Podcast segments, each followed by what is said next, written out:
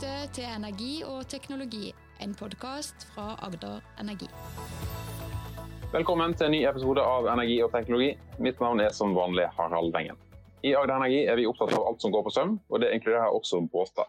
Derfor samarbeider vi om denne episoden med Lydløsfestivalen i Arendal. Lydløs handler om framtidas båtliv og vil skape nysgjerrighet og entusiasme om nullutslipp på sjøen. Årets festival gikk av stabelen i juni, og nå etter sommeren har vi samla noen av deltakerne for å diskutere når batteri blir bedre enn bensin og diesel også til sjøs. For det skjer en rivende utvikling på energilagring i batteri. Men før batteridrift kan rulles ut for fullt i markedet for fritidsbåter, må folk ha tillit til at teknologien holder mål. Hvor langt vi har kommet i den utviklinga er tema for denne samtalen. Da har vi med oss eh, Torgeir Bråtane fra rådgivningsselskapet Inventas, som bl.a. er med i prosjektet Overgang til elbåt, sammen med selskap som Ibiza, Viknes og Sintef. Vi har med Jakob Storhjør Andersson, som er teknisk leder i Green Waves, som er et firma i Tvedestrand som jobber for å elektrifisere fritidsbåter. Og vi har med Gunstein Skomedal, som jobber bl.a. med batteriteknologi på Universitetet i Agder og Elken. Velkommen til eh, alle mann. Tusen takk. Da tenker jeg bare skulle begynne litt med Hva er, hva er din bakgrunn og liksom forhold til elbåt, uh, Torgeir? Du, jeg har jo jobba med utvikling av båter i 20 år omtrent. Eh, så jeg har holdt på med de og så har vi jo da eh, også etablert et prosjekt for å jobbe med utvikling av elbåt. Og det er jo, For oss som driver utvikling, så er jo det kjempe, kjempemoro å få lov å være med på en sånn type nyutvikling og på en måte det, det skiftet som vi står i da. Jostein? Ja, jeg er jo materialteknolog, så jeg jobber med energimaterialer. Eh, batteri er jo på en måte den nye store tingen. Vi hadde solceller her i Norge for noen år siden. Nå er det batteri alle skal satse på. Alle skal vite om og ha kompetanse på. Alt skal elektrifiseres. Det begynte med bilene, og nå gjenstår resten av samfunnet. Så Det er jo det som jeg syns er gøy på UiA. Underviser eh, i elektrokjemi batteriteknologi. Og så jobber med å lage materialer for fremtidens eh, batterier. Mm. Og Jakob? Ja, jeg, jeg jobba som ingeniør i Viking Norsafe eh, tidligere. og Der var det siste prosjektet mitt et treårig utviklingsløp med en elektrisk eh, livbåt. Så Da erstatta vi dieselmotoren med batterier og elmotor. Og Nå er du i, i Green Rage, så kan, komme, vi kan komme litt nærmere inn på hva, hva dere gjør eh, om litt. Eh, men jeg tenkte sånn, hvis vi begynner med det overordnede om batteri, Gunstein. Hvorfor, ja. Eh, du var begynt så vidt med, men hvorfor satses så mye på batteri eh, akkurat nå? Nei, Det er jo helt åpenbart at det er for å elektrifisere samfunnet. Eh, batteri begynte jo liksom med at og Det har jo alltid vært der, det er jo ikke en ny oppfinnelse. Eh, de hadde elbiler for over 100 år siden, men, men det er jo først etter at litiumionbatterier har kommet for en 30 år siden at, at, og det har begynt å komme inn i samfunnet at vi har fått en endring. Så vi kan jo si at på en måte der eh, fram til 2000, midten av 2000-tallet, 2010, så har alt handla om å gjøre, bruke batteriet til å gjøre ting trådløst. Så handler det nå om å gjøre ting lydløst eh, og utslippsfritt. Så, så, det er jo ingen tvil om at det er det som driver satsingen på, på batteri. Eh, dette med at det er en eh, ja, Du spør jo eh, når blir batteri bedre enn en bensin og diesel, og det er det jo på mange områder allerede mye bedre og egentlig alltid har vært det. Så både på, både på som sier, drift, vibrasjon og forurensning, ikke minst, som vi bekymrer oss for, og er det som er driveren for batteri. Men, men også er det at det er billigere og mer energieffektivt, ikke minst. Du, du får mye mer ut av energien eh, som du putter inn. Så, mm. så det, det, og så er det jo dette med at det begynner i små skala i mobiltelefoner, og så har det blitt utbredt i andre, andre anvendelsesområder, som etter hvert biler og deler av transportsektoren. Eh, skala øker, kostnadene går ned, og det er da eh, helt naturlig at dette sprer seg til stadig nye områder i samfunnet. Som, eh, som bl.a. Eh, båter. Eh, ja, sånn, eh, du... ja, absolutt. Mm. Ja, litt, litt, om egenskapene ved, ved batteri som egner seg for båt, og som ikke egner seg for båt? Hvis du kan si noe litt sånn overordna om det? kanskje?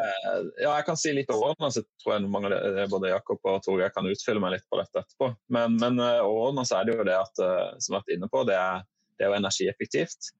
Det er billig å bruke elektrisitet istedenfor for bensin. Det, er kanskje fem til ti ganger så billig i drift. og så er det dette med bruksverdien som vi også ser i elbiler. Vedlikehold og støy og alle, alle sånne ting. Det er, enkelt, det er et enkelt system, det er få bevegelige deler. Så, så, alt dette er noe som taler til fordel for alle disse som har båt og vet hvor mye de må drive og fikse på motor og sånne ting i løpet av levetid. Det er ikke, det er ikke bare bare det heller. Så, så, der har eh, allerede i dag batterier og elektrisk fremdrift eh, ganske mange fordeler, sånn som jeg ser det. Eh, men så er det selvfølgelig en del mangler også, som vi sikkert skal snakke litt om. Som går på energitetthet og kostnad og rekkevidde osv. Mm. Komme litt inn på det. Bare litt, Jakob, kanskje du kan, kan si litt om hva Greenwaves gjør. Dere er jo midt i dere, dere driver jo med det her. og Vi jobber med det. I, båtene?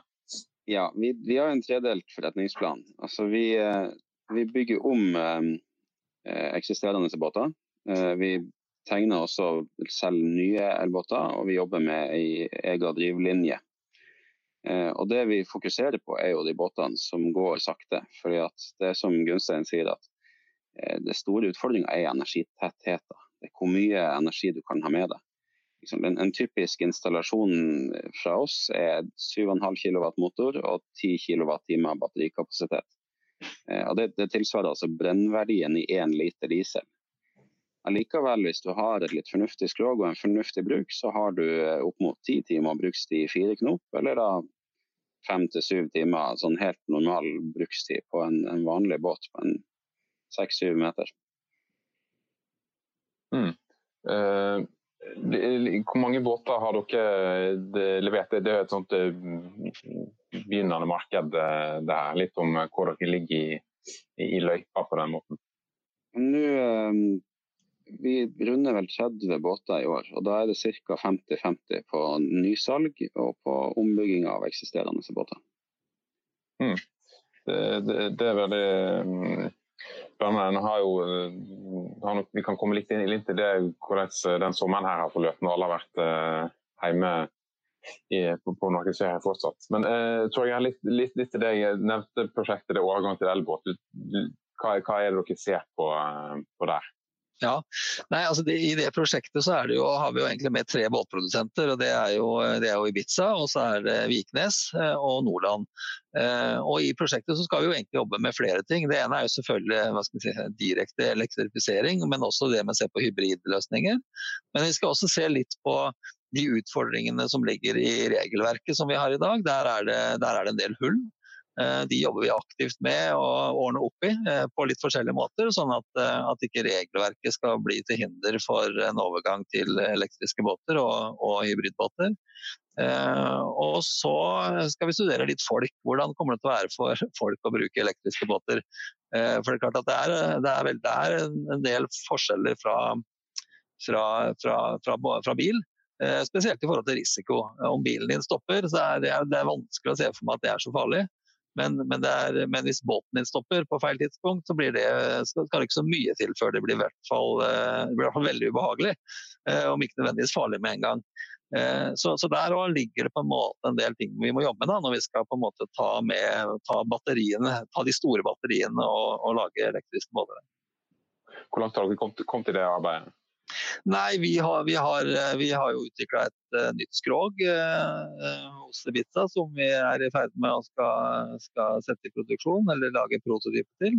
Vi er i ferd med å testkjøre litt forskjellige elektriske drivlinjer. Uh, og vi jobber tett sammen med Sjøfartsdirektoratet i forhold til regelverk. Så der er vi nesten ferdig med, med noe som heter guidelines for bruk av litiumbatterier i båt. Som på en måte er en sånn brukermanual. da for, eh, for å anvende litiumbatterier i båt, fordi vi ikke har en ISO-standard. Eh, ja. ja. For, de, for, de, som ikke kjenner til det, litt, litt om regelverket, ISO-standard og CE-merking og de, de tingene der? Ja, det er jo sånn at Hvis du skal plassere en båt i markedet, så må den være C-merka. Nå snakker vi om fritidsbåter. Det er viktig å skille mellom fritidsbåt og mm. yrkesbåt her. Eh, og For å få båten din C-merka, eh, eller sette på C-merket båten din, så må du på en måte oppfylle eller i hvert fall dokumentere da, at båten din er trygg og sikker. Og Det som er den vanlige og normale måten å gjøre det på, er jo på en måte peke til eh, en rekke med ISO-standarder som på en måte omhandler alt på en fritidsbåt. og Det er jo alt fra stabilitet og elektrisk og propeller og motor og all verdens på en måte som vi har ISO-standarder for, da, som dekker det. Men så er det sånn at vi har ikke hatt en ISO-standard for bruk av litiumbatterier. Eh, og når du ikke har en standard, og det har vi fortsatt ikke, og det kommer til å ta ganske lang tid før vi faktisk har det, så må du sjøl dokumentere at dette er trygt og sikkert. Um, og, og, og, det gjør du på en måte Og det er ikke, det, det er ikke umulig å få til det, uh, men du må gjøre det på en skikkelig måte. Og det vet jeg jo at sånn som Jakob og de, de eh, jobber med risikoanalyser og disse tingene som må på plass da, for, å, for å få til en, en situasjon. Og, og, og, det som gjør at det er viktig, er at hvis, hvis du plasserer en båt i markedet som og du ikke har orden på papirene dine, så vil den i praksis bli tilbakekalt. Da kan Sjøførsdirektoratet gå inn og si at eh, den båten der må du ta fra markedet igjen. Eh, og Det er klart det er jo katastrofalt for en båtprodusent hvis du har 50 sånne båter i markedet eh, og du må tilbakekalle dem. Da er det som fort game over. Mm.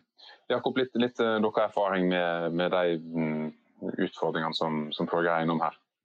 Ja, det er jeg jo helt enig i. Vi, vi, får jo veldig lite drahjelp fra regelverk for at det er ikke noe. Så eh, det er jo mye erfaring fra eh, Sjøfartsdirektoratet og de batteriene vi brukte i livbåten som er basis for det vi gjør.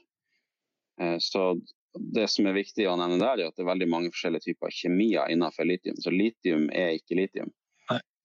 De batteriene vi bruker heter litium jernfosfat, ofte benevnet med LiFePO4. Eh, og Fordelen der er at de har en tredjedel av den kjemiske energien. Eh, sånn at hvis det først får en, en termisk hendelse, så er det veldig mye mindre drivstoff i den. Eh, dessuten så skal du opp i mellom 350 og 400 grader før du får en thermal runway, i motsetning til en rundt 150 grader på NMC-kjemi, som er den vanlige i biler. Så, så vi har liksom valgt det og gått for en, en trygg kjemi, eh, og vi går for under 50 volt. Sånn at vi Eh, vi er, vi er på den sikre sida egentlig på, på, alle ting der. og vi, Det går jo selvfølgelig på kompromiss med at eh, jernfosfatbatterier ikke har like høy energitetthet som, eh, som NMC-kjemien har. Så vi, vi, igjen, vi, vi, må jobbe veldig med at det er bruken av båten som er viktig. Eh, ofte så kjører man ikke så fort. Eh, så det å heller ha mange timer i fem-seks knop er mye viktigere for oss enn å ha en eller en halvtime i 15. Mm. Det, og det, det, det, er jo den, den hastigheten som, som altoverveiende folk helt sett bruker båten på. Jeg, jeg, jeg, har ikke båtførerbevis sjøl, så jeg må, jeg må spørre deg som, som, som, kan det her. Men, men det stemmer det? Ja, ja, det er for så vidt riktig at vi kjører mye sakte fart. Eh, samtidig så, så, ser vi jo at, at, hvis vi ser på hva som blir solgt av båter i dag, med, si, med noen unntak da, av de nye elektriske båter, så er det nesten bare båter, hurtiggående båter.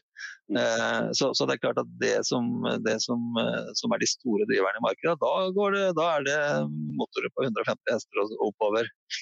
Eh, så, så, så, det er klart det er jo et, på en måte et avvik mellom dagens bruksmønster og det som på en måte nå i første runde er eh, på markedet av elektriske båter. Mm. Det, eh, men der kan vi jo på en måte forvente at, at, folk snur seg rundt og sier at ok, kanskje vi skal akseptere å kjøre sakte. og Det beviser jo for så vidt Jakob og det òg, for de selger jo båter. Det, det, det, er nettopp det. Gunstein, du kan kanskje si litt om, om teknologiutviklinga der. Altså, det, vi har vært innom både kostnader og altså, mm. energitetthet som som, ja, det er som, sier, eh, som Jakob også sier, det er ulike kjemier. Et litiumbatteri er ikke et litiumbatteri. Uh, litiumbatterier som, som, er billigste da, det er jo det som produseres til bilindustrien. Uh, og mye av det er at det produseres i enorme kvanta. Uh, og, og uh, sant, har, har, en veldig modulær og standardisert måte. Helt fra råmaterialene og helt til de går i en ferdig batteripakke. Så, så, der har jo bil, eh, naturlig nok bilbransjen vært veldig flinke, kanskje ledere av sånne som Tesla og andre, som, som, virkelig har sett hvor essensielt batteriet er for bilen. Og på samme måte kan du si på båten òg, at, eh, at, man liksom i større grad kanskje må designe båtene rundt batteri og det elektriske fremdriftssystemet. Tenke modularitet, og at man i størst ah, ja, Det er ikke bare battericellene, men det er hele pakka, hele greia, som må kosteoptimaliseres. Så det er jo en, eh, og, og Utfordringa kanskje for båtbransjen i hvert fall en, en sånn begynnende fase vil jo være eh, små volum. Så man har så, så, der tenker jeg der har jo også staten en, en stor rolle å spille, og, og, og, kunne legge til rette for regelverk og andre ting som, som gjør at risikoen på lavere for de som går først og utvikler den teknologien som gjør at etter hvert vil bli billigere og mer kostnadseffektivt og sikrere for, eh, for flere mm. etter hvert som tiden skrider. Mm. Du snakker om, om uh, små volum. Altså, på en måte er det, jo, det er jo veldig mange båter. Det, det blir notert med at det, det er ca. en million fritidsbåter og ca. 600 000 av dem som er motoriserte. Men det er ikke veldig mange som blir bytta ut hvert år. Uh, Nei, og Som en kommentar på det, så er det jo sånn at jeg, jeg, det blir vel produsert ca. 800 000 poengsmotorer på det globale markedet hvert år. Eh, ikke sant? Og Det er jo et, eh, det er hele verden, liksom. Så Det er klart det er jo et bitte lite tall som sier noe hvor relativt sett da, i forhold til bilverden. Eh, så, er, så er på en måte båtmarkedet bitte lite. Eh, så vi er jo helt avhengig av å, å høste teknologien fra, fra, i praksis bilbransjen. Eh, og, og, de som utvikler batterier, det er, si, det, er det, det, er det, som må til for å lykkes her. Vi kan ikke, hva skal si, Båtbransjen kommer ikke til å dra fram en ny batteriteknologi. Vi må høste fra de andre, og så må vi tilpasse den teknologien til de anvendelsene som vi har. da. Når det går så fort i, i bilbransjen, Gunstein, så, ja, det, så får det ringvirkninger for, for båtbransjen òg. Ja, det er klart. Så man vil selvfølgelig ligge litt etter eh, på kostnadskurven. Det vil de fleste andre anvendelser. Men du vil jo på sikt eh, følge etter. For det er alle disse innovasjonene som, som Torgeir sier, det vil, vil, jo spre seg. Så så lenge man greier å utnytte mest mulig av teknologiutviklingen som skjer innenfor eh, batterier til bil og andre store anvendelser, så, så, så, vil man i prinsippet kunne følge. Men det er jo selvfølgelig andre ting da, som, som kommer på toppen her. Eh, som, som, også vil kreve en viss form for skala modularitet, som ikke bare gjelder selve batteriteknologien. Um, sikkerhetssystemer og alt mulig sånn innpakning. Og, så, så, mm. der, så, der er det så der blir det jo viktig da, for uh, at man får gode standarder, og uh, at man, uh, man, er tidlig ute. Og, og deler på utviklingskostnaden av dette for flest mulig. Eh, hvilke utfordringer møter dere der, Jakob, med å være litt sånn eh, frontrunner eh, sjøl?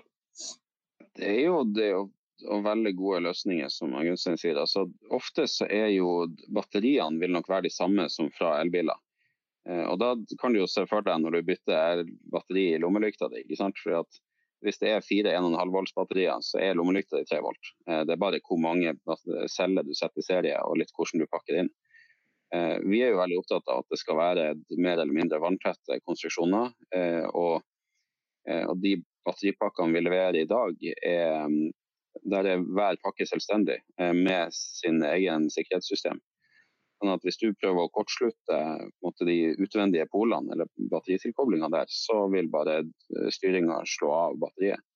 Sånn at Spenninga er fortsatt der inne, men den kommer ikke ut. Så Det handler mye om Eh, teknologitilpassing, som både Torgeir og Gunstein skriver. altså det at eh, vi, vi, må sørge for at det passer i det miljøet det skal være.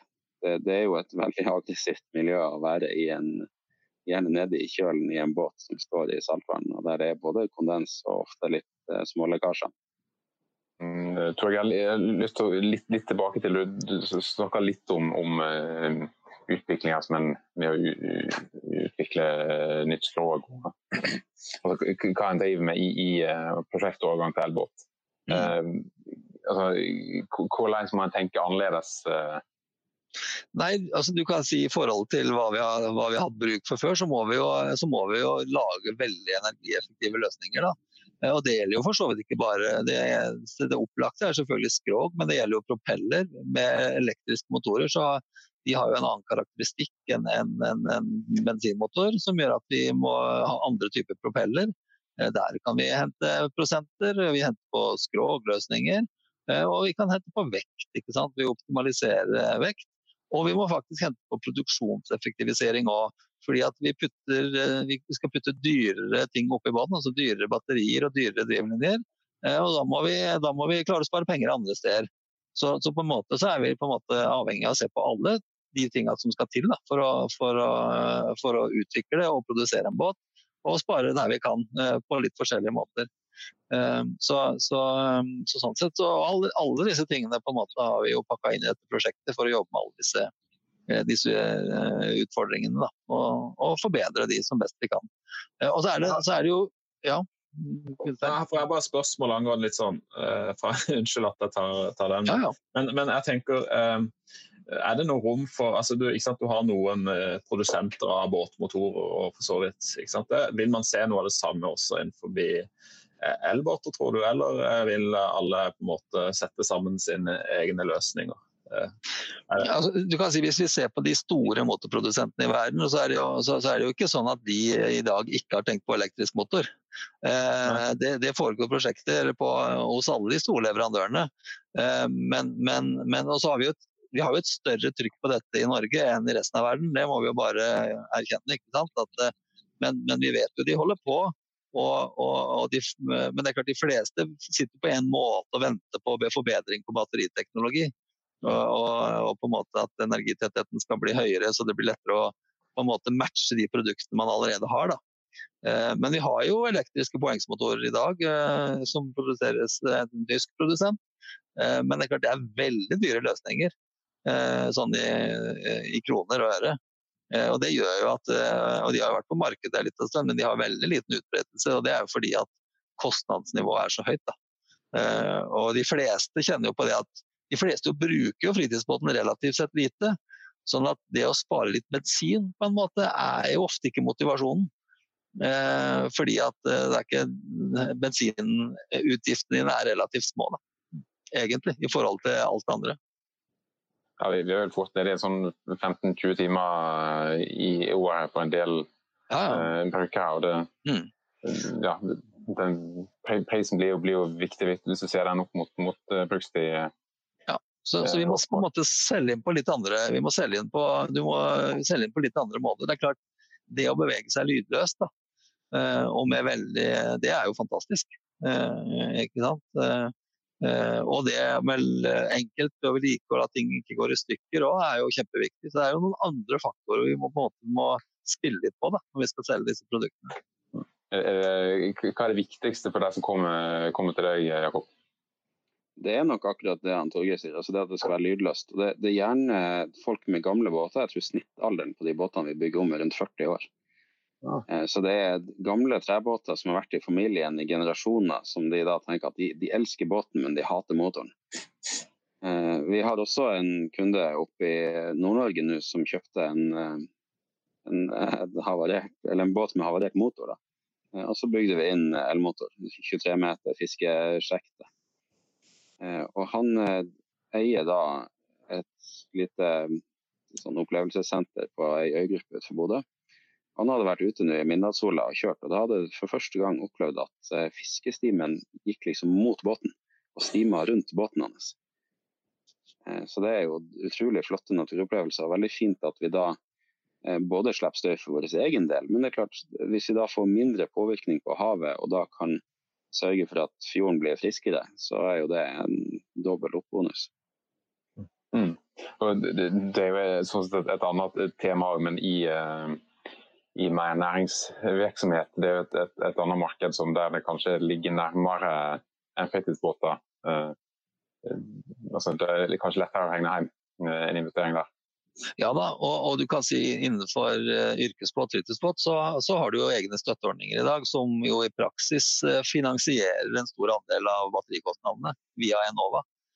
Så, så der uh, på yrkesbåtsida så er det et annet, et annet regime. Og, og, og, det er jo egentlig fornuftig av det, fordi det er klart at de som har båter som, de som kjører 1000 timer i året, de, de bidrar jo til noe utslipp her, på et vis. Så det er klart at det er det er veldig riktig at det, i hvert fall på, sånn som det er nå, at det, man har fokusert på det først. Mm. Um, når, når, du er inne på det, det virkemidler som eventuelt skal til hvis en ønsker å, å få til en raskere overgang til, eh, til elektrifisert eh, båtfart. Hva er det som skal til etter dere skjønner? Mm. Nei, altså jeg tenker, altså Det ene er jo finansiering av forskning og utvikling. Der har vi jo, vil jeg si at vi har jo gode ordninger i dag. så Har du et godt prosjekt, eh, så så får du faktisk eh, støtte enten fra Forskningsrådet eller Innovasjon Norge eller anordninger. og det har jo Jakob og dere òg har jo prosjekt med Innovasjon Norge i dag. Akkurat som det vi har er støtta av Norges forskningsråd. Så Det er jo sånn den ene sida av det. Når det gjelder liksom produkt, hva skal vi si, bidrag à la det vi har hatt på, på bil, så er det kanskje så er det et, kunne det være et håp da, om at man kanskje kunne få, få momsfritak da, på elektrisk båt. Eh, det er vel kanskje det som kanskje er det mest nærliggende å tenke at man kan få gjennomført. Da. Og Det er det jo et relativt stort eh, trykk på da, å prøve å få til. Eh, så får vi se om politikerne velger å prioritere det da, i denne sammenheng. Ja, det er et, et valg skal komme nye regjeringsplattformer, så en får kjenne sin besøkelsestid der. Men Jakob, er det sånn hindringene som er til stede? Hva er det viktigste, sånn som du ser det? Jeg er nok enig med Torgeir at det er pris. Eh, for det, det er klart det, det, er høye kostnader. Og Det er derfor også vi har fokusert på det med å bruke lite energi. Mm. Eh, for vi, vi, klarer å selge en pakke i dag for 110 000 kroner. Da har du deler, komponentene. En, en elmotor og 10 kWh batterikapasitet og kabler og koblinger og sikringer og det du trenger. Eh, men det er klart, da er det jo liksom i en tihester motorklasse, så det er veldig lett å tenke at du føler at du får mer verdi for pengene, i hvert fall mer fart for pengene, eh, for, med fossile løsninger. Da. Så det er jo helt klart, og vi, vi, vet jo at vi må gå elektrisk, eller vi må bort fra å brenne bensin og diesel. Eh, og da mener jeg den beste løsninga er elektrisk.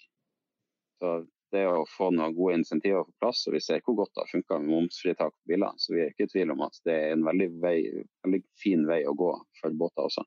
Mm. Hvis, vi, hvis, det er politikerne ønsker. Da. Mm.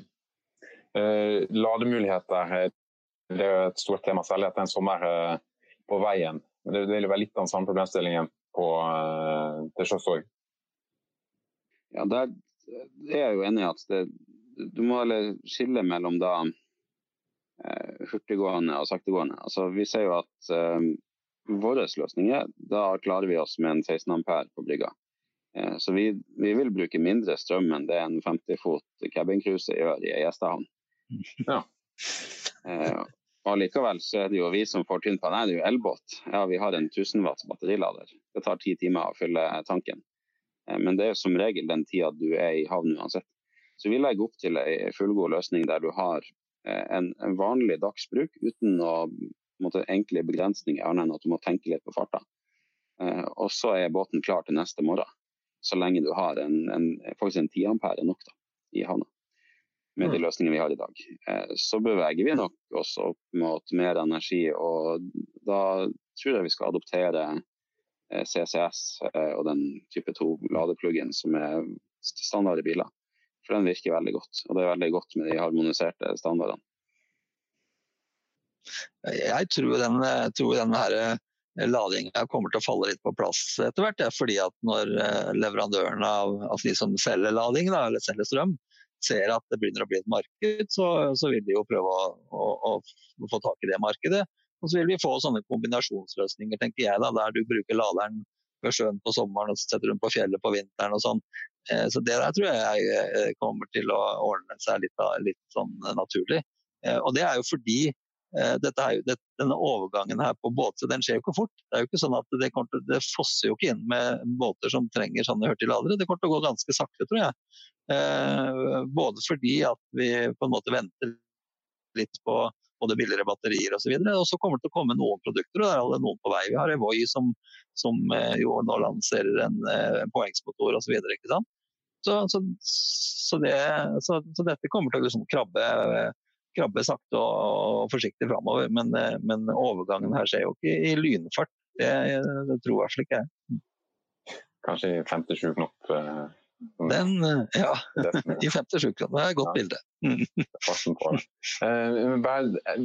som sagt, Lydløsfestivalen er jo før sommeren, når, når, folk skal, eller på starten av sommeren når folk skal ut, ut på sjøen. Så lurer litt på hva erfaringene har vært. Har dere merka noen forskjell i den sommeren som har vært etter større, med, med større etterspørsel og større liksom, oppmerksomhet om, om elektriske båter? Kanskje Jakob som, som, i så fall merker det mest på, på kroppen? det har vært en enorm interesse. Så det, det, er tydelig at folk ønsker seg det. Og så blir de nok litt avskrekka av prisen. Man, man, forventer kanskje at det er billigere enn det det er. Uh, som er rart, for vi er vant med at elbiler koster mer enn en tilsvarende størrelse bensinbil. Uh, men uh, nei, det er helt klart at folk ønsker seg det her, og de ser bruksområdet. og Spesielt da, gamle sjekter, men også mye seilbåter. Folk som, er, som kan ha mulighet til å ha et sentralisert energilager. Der man kan lade både med vindmøller og solceller og landstrøm. Eh, og da kan bruke strømmen både til fremdrift og ikke minst induksjonskomfyr og varmvann for de som har litt avanserte systemer. Eh, men ja, interessen for fremdrift og spesielt det å, å slippe lyd og slippe vedlikehold, det, det har vært helt enormt. Mm. Eh, vi skal prøve å, å, gå inn for landing litt, men spør, har spurt i tittelen når blir egentlig batteri bedre enn eh, bensin og diesel. Uh, aner kanskje hva Jakob kommer til å svare, men så vi kan begynne med, med Gunstein. da. når det kommer an på hva man måler, så mm. hvilke kriterier man mener er viktig for at det skal være bedre. Men jeg antar det du spør etter er når det blir kanskje like billig da, med en uh, båt som har noenlunde fornuftig spekka.